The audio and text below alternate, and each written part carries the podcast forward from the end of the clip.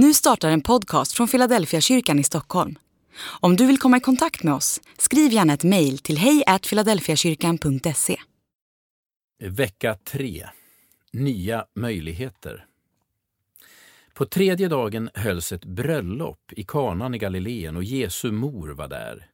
Jesus och hans lärjungar var också bjudna på bröllopet. Vinet tog slut. Och Jesu mor sa till honom, de har inget vin. Jesus svarade, låt mig vara kvinna, min stund har inte kommit än. Hans mor sa till tjänarna, gör det han säger åt er. Där stod sex stora stenkärl för vattnet till judarnas reningsceremonier. Vart och ett rymde omkring hundra liter.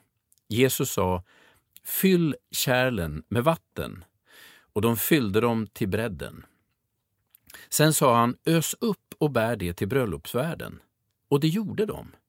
Värden smakade på vattnet, som nu hade blivit vin. Eftersom han inte visste varifrån det kom, men det visste tjänarna som hade öst upp vattnet, ropade han på brudgummen och sa alla andra bjuder först på det goda vinet och på det sämre när gästerna börjar bli berusade. Men du har sparat det, det goda vinet ända till nu. Så gjorde Jesus det första av sina tecken.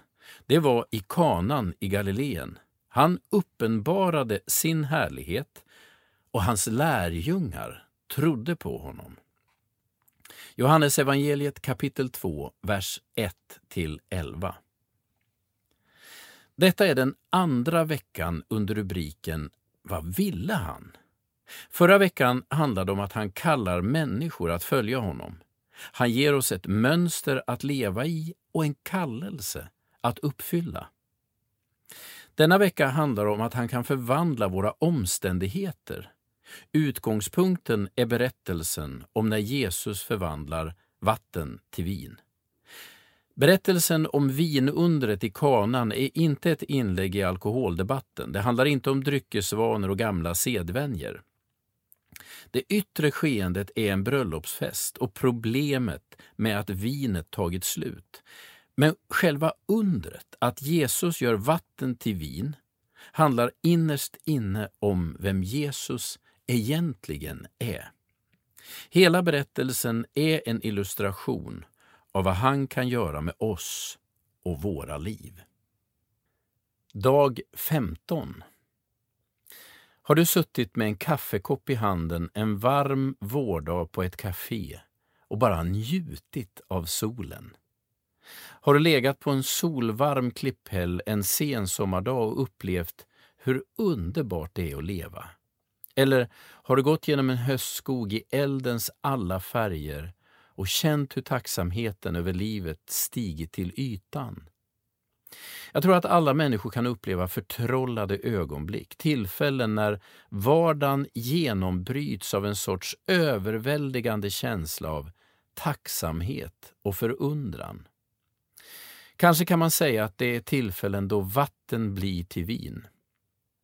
Alltså tillfällen då det som är alldeles vanligt och vardagligt färgsätts och får en smak och fyllighet som överraskar oss. Det är detta som händer när Jesus kommer in i människors liv. Han förvandlar vatten till vin. Det som vi upplever som vatten, utan smak och färg, förvandlar Jesus till vin. Alltså något moget, smakrikt och kraftfullt. Detta är hemligheten i den andliga gemenskapen med Jesus.